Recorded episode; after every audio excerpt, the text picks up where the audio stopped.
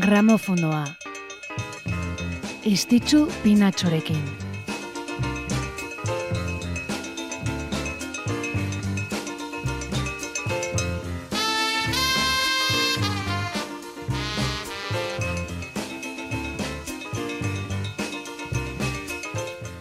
Gabon, zer moduz, aste azkena da gaur, eta programazioak markatzen duen moduan hemen da gaurkoan ere gramofonoa, musika efemerideen saioa, maiatzaren hogeita lau da gaur, eta azen olako saioa prestatu dizueguna.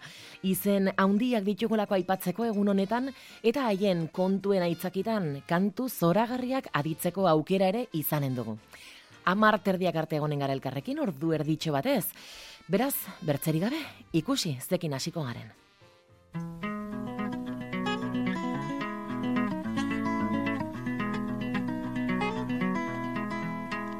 Well, it ain't no use sit and wonder why, baby.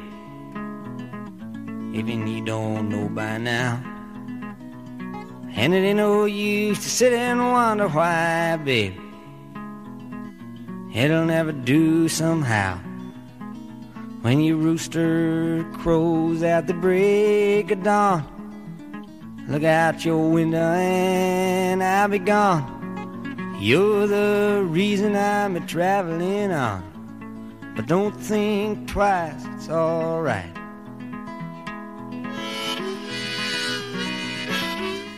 Bob Dylan estatuatuar kantautore, musikari eta poeta ezagunarekin ireki dugu gaurre, gure musika tarte hau. Bob Dylan, hogei garren mendeko herri musikan eragin haundienetakoa izan duen pertsonatzat hartzen dena.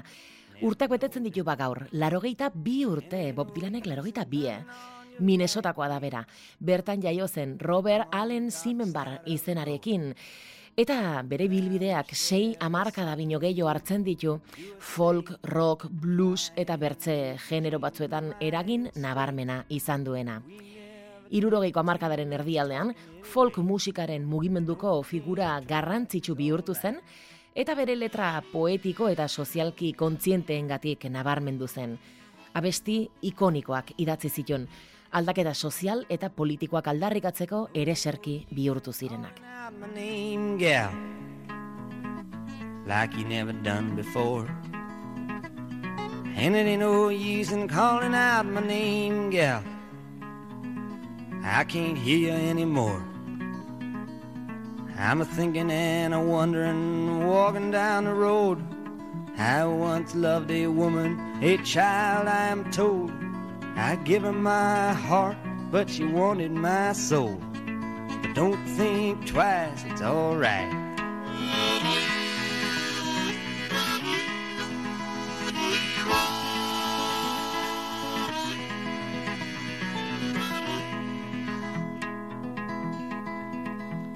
So long, honey, baby, where I'm bound, I can't tell. Goodbye is too good a word, babe. So I just say fairly well. I ain't saying you treated me unkind.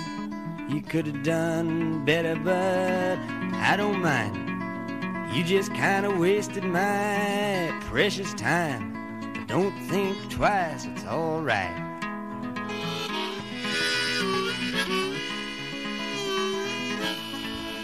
Bob Dylanek bere ibilbidean zehar musika estilo ezberdinekin esperimentatu du, bere musika etengabe evoluzionatzen joan da, eta horrek kritikak eta mirespena ekarri dizkio.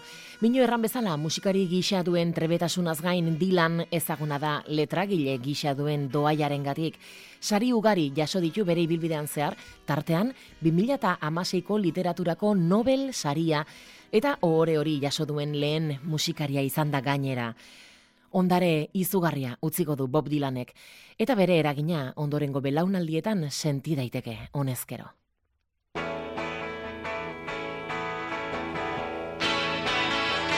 The reason why Oh, I can say. I have to let you go,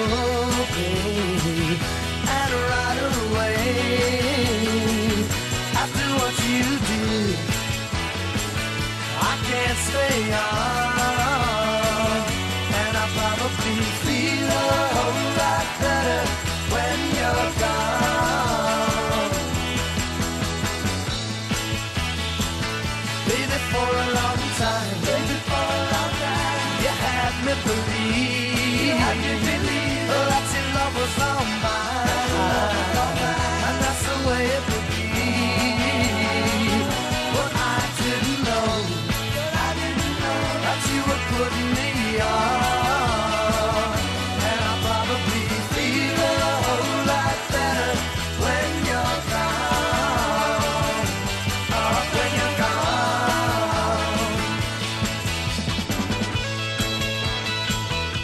Bertze musikari bikain baten inguruan ariko gara orain, mila bederatzerun da larogeita megako maiatzaren hogeita lauan betirako itzali zen Jen Clarken inguruan. The Bears, eh, folk rock talde garrantzitsuaren sortzaile eta abeslari nagusi izan zenari buruz. Roger McGinn, eh, David Crosby, Chris Hillman eta Michael Clarkekin batera osatu zuten taldea The Bears. Eta Jen Clark abesti aipagarrienen egilea izan zen aditzen dugun onena adibidez.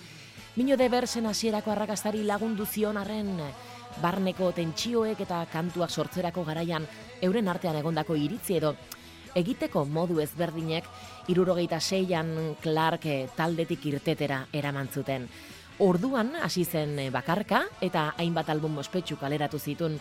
Naiz eta bere arrakasta komertziala mugatuagoa izan zen e, The Bearsekin egindako lanarekin konparatuta, Mino folk rocka, countrya eta rock psikodelikoa kombinatzen jakintzun eta modu bikainean gainera.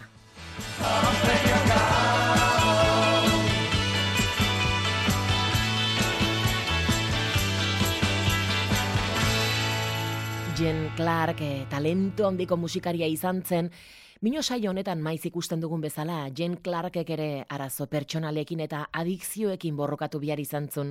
Bino alare, agitz musikari estimatua izan zen, eta folk rock soinuaren aintzindarietako bat ere bai, Jen Clark. Jarrai dezagun, kantu mitiko hoietako batekin, Lady Marmalade.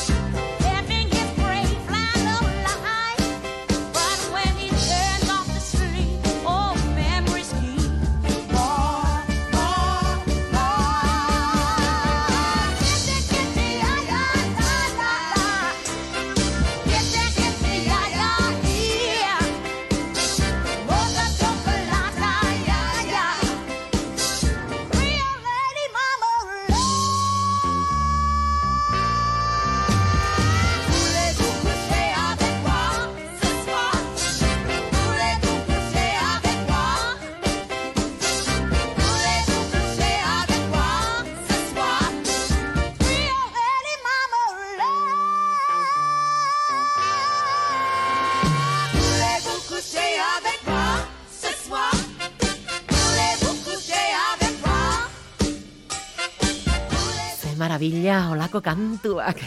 Kasu hontan, mila bederatzireun da irurogeita malauan, pati labelek grabatuzun bertsioan. Gaur, maiatzaren hogeita lau honetan, e, Filadelfian jaiotako abeslari zoragarri hau zoriondu nahi dugulako. Soularen diba hoietako bat. Ahots, botere txukoa eta estenatokian presentzia haundikoa. Irurogeita emeretzi urte bete ditu gaur pati labelek. Irurogeita marreko amarkadan hasi zen, label taldeko kide gisa, arrakasta haundia lortu zuten Lady Mermelade hau argitaratu zutenean, ere serki bihurtu zen, eta nazioarteko zerrenda arrakastatxuenetan mantendu zen. Mino bi urte beranduago taldea banandu eta pati label bakarka hasi zen, gaur eguner arte. Ahots gaitasun ikaragarria du eta emozioa transmititzeko sekulako gaitasuna eragin handiko eta errespetuzko figura da, eta soul eta rhythm and blues generotan gehien maite eta gurtzen den artistetako bat bihurtu dute Patti Label.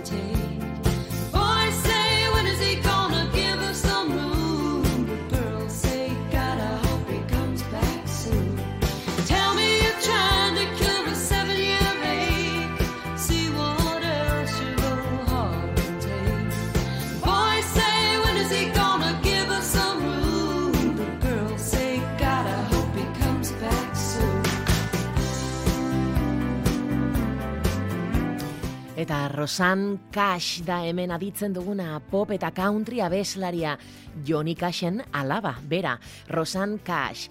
Batez ere country generoan aritu dena, bino batez ere errandut bertzain bat generotan ere abestiak grabatu ditulako.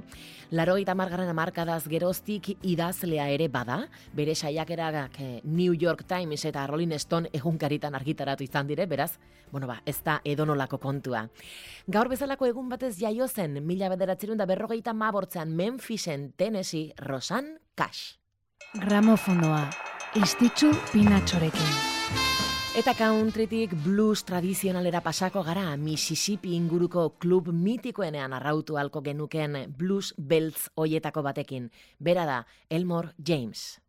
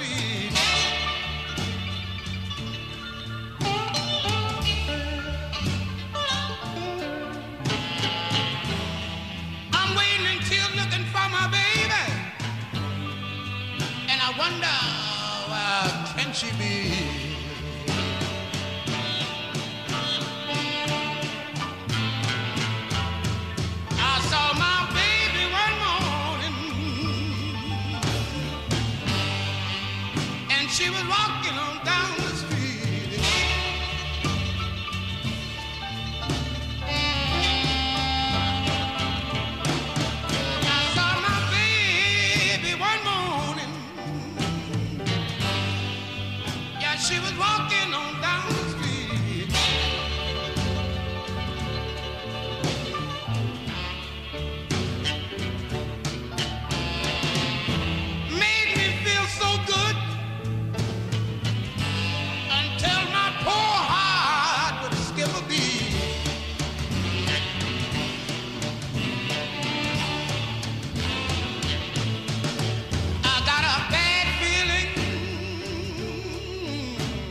Elmore James da bera bai gitar jole eta kantari bluseroa onelako arribitxien sortzailea. Elmore Jamesen eh, gitarra jotzeko modua gainera irurogeiko amarkadako blues talde ugarik kopiatu zuten, baita erresuma batuko taldeek ere. Gitar jole esanguratsu eta eredugarria izan zen Elmore James. Mila bederatzireun da irurogeita iruan hiltzen bihotzekoak jota. Eta zoritxarrez bere disko gutxi daude merkatuan bino bildumak, bueno, bildumak ugari hemen txaditzen dugu The Sky is Crying honetan.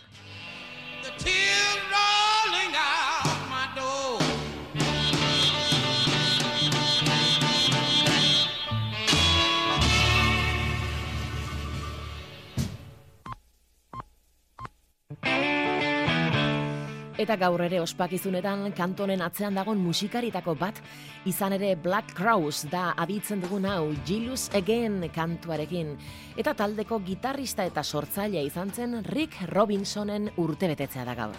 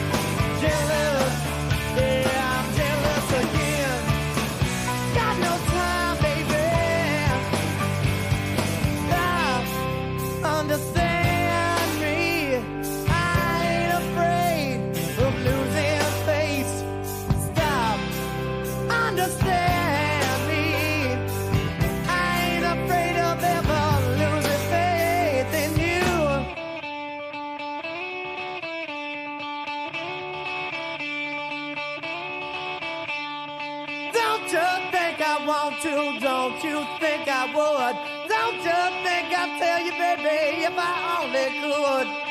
Am I acting crazy? Am I just too proud? Am I just plain lazy?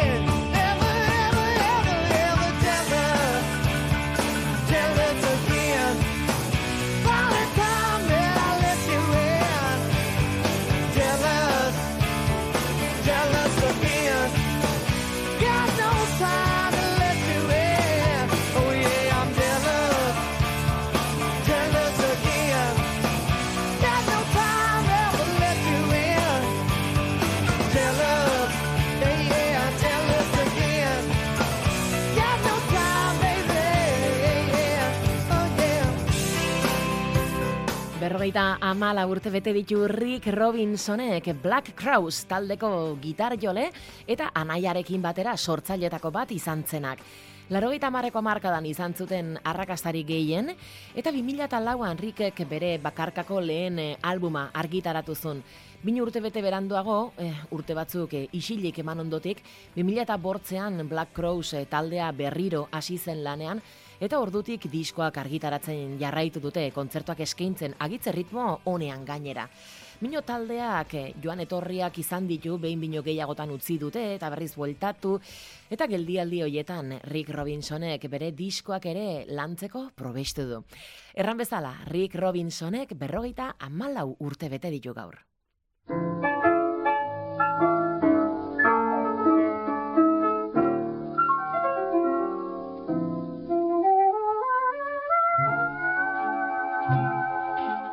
Eta saioaren hasieran errandugu ba, gaur saio ederra genula prest, efemeride esanguratsuak ditugulako gaurko maiatzaren eh, hogeita lau honetan, eta horren adierazle, ina sentimental mood honen egilea, gaurko egunez zendu zelako Duke Ellington haundia.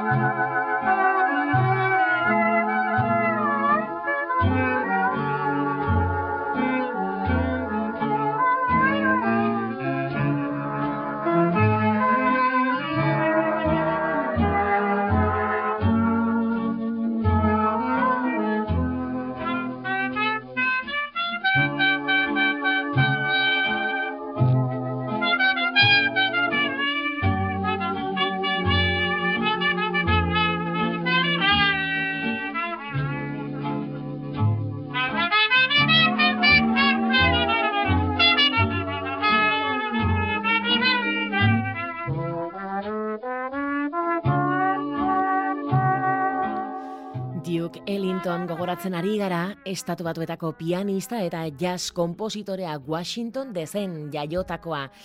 Mila bederatzen da irurogeita malauko maiatzaren hogeita lauan zendu zelako, irurogeita mabortz urte zitula, biriketako minbiziaren ondorioz. Hiltzenean, garai guzitako musikari eta kompositore onenetako tzatzun publikoak eta bertze ohore batzuen artean, Frantziako gobernuaren eh, ohorezko legioa jasozun, eta ohore zibil Amerikar handiena den askatasunaren domina presidentziala. Ba, bere biografia irakurtzen baduzue ikusi ahal izanen duzue, gordetzen ditun datuak izugarriak direla.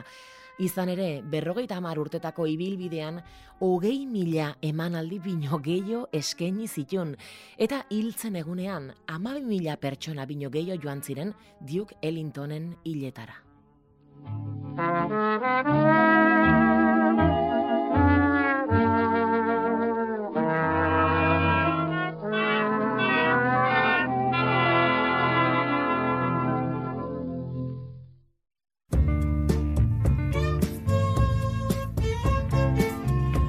eta saioa bukatzen ari gara, bueno, hobeki erranta bukaerara aletu gara gargero, eta horretarako gaurko kapitulua merezi bezala borobiltzeko bertze banda zoragarri bat, iaz donostia bisitatu zutenak, por zierto. Jesus don't cry. You can rely on me, honey. You can combine anything you want. I'll be around. You right about the stars. Each one is a setting sun. Tall buildings shake, voices escape, singing sad, sad songs. Tuned to chords strung down your cheeks, bitter melodies turning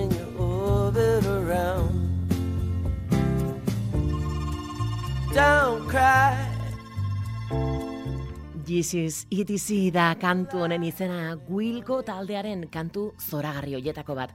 Banda honetako kide izan zen Jay Bennett gogoratzeko musikari multiinstrumentista, kompositore eta kantautore estatu batu izan zen, batez ere Wilco bandan egindako lanagatik ezagun egintzena. 2000 eta bedetziko maiatzaren hogeita lauan zendu zen, berrogeita bortz urte betzerik etzitula. Antza denez, eta autopsiaren emaitzen arabera, pairatzen zuen oinaze mingarria harintzeko hartzen zuen analgesiko baten gaindosiaren ondorioz. Mino egia erran, eriotzaren eh, urtetik ona, ez dago informazio gehiagirik bere eriotzaren inguruan, ez dute detaile hau zabaldu, beraz, kantuarekin gozatu dezagun, eta jei beneten oroitzapen gozoarekin. Urrengo aste azkenan ere, hemen izanen hau ze, emets goxoak izan ditzazuela, Gabon.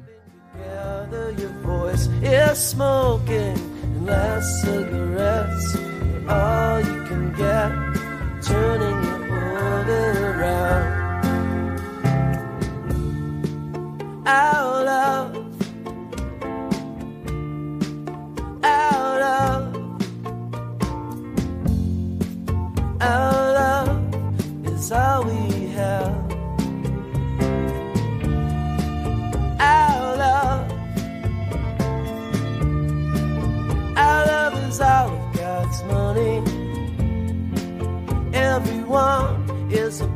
burning sun tall buildings shake Voices escape, singing sad, sad songs. Tuned to chords strung down your cheeks. Bitter melodies, turning your orbit around. Voices whine. Skyscrapers are scraping together. Your voice is smoking. Last cigarettes, all you can get turning your orbit around. Last cigarettes are all you can get, turning your orbit around. Last cigarettes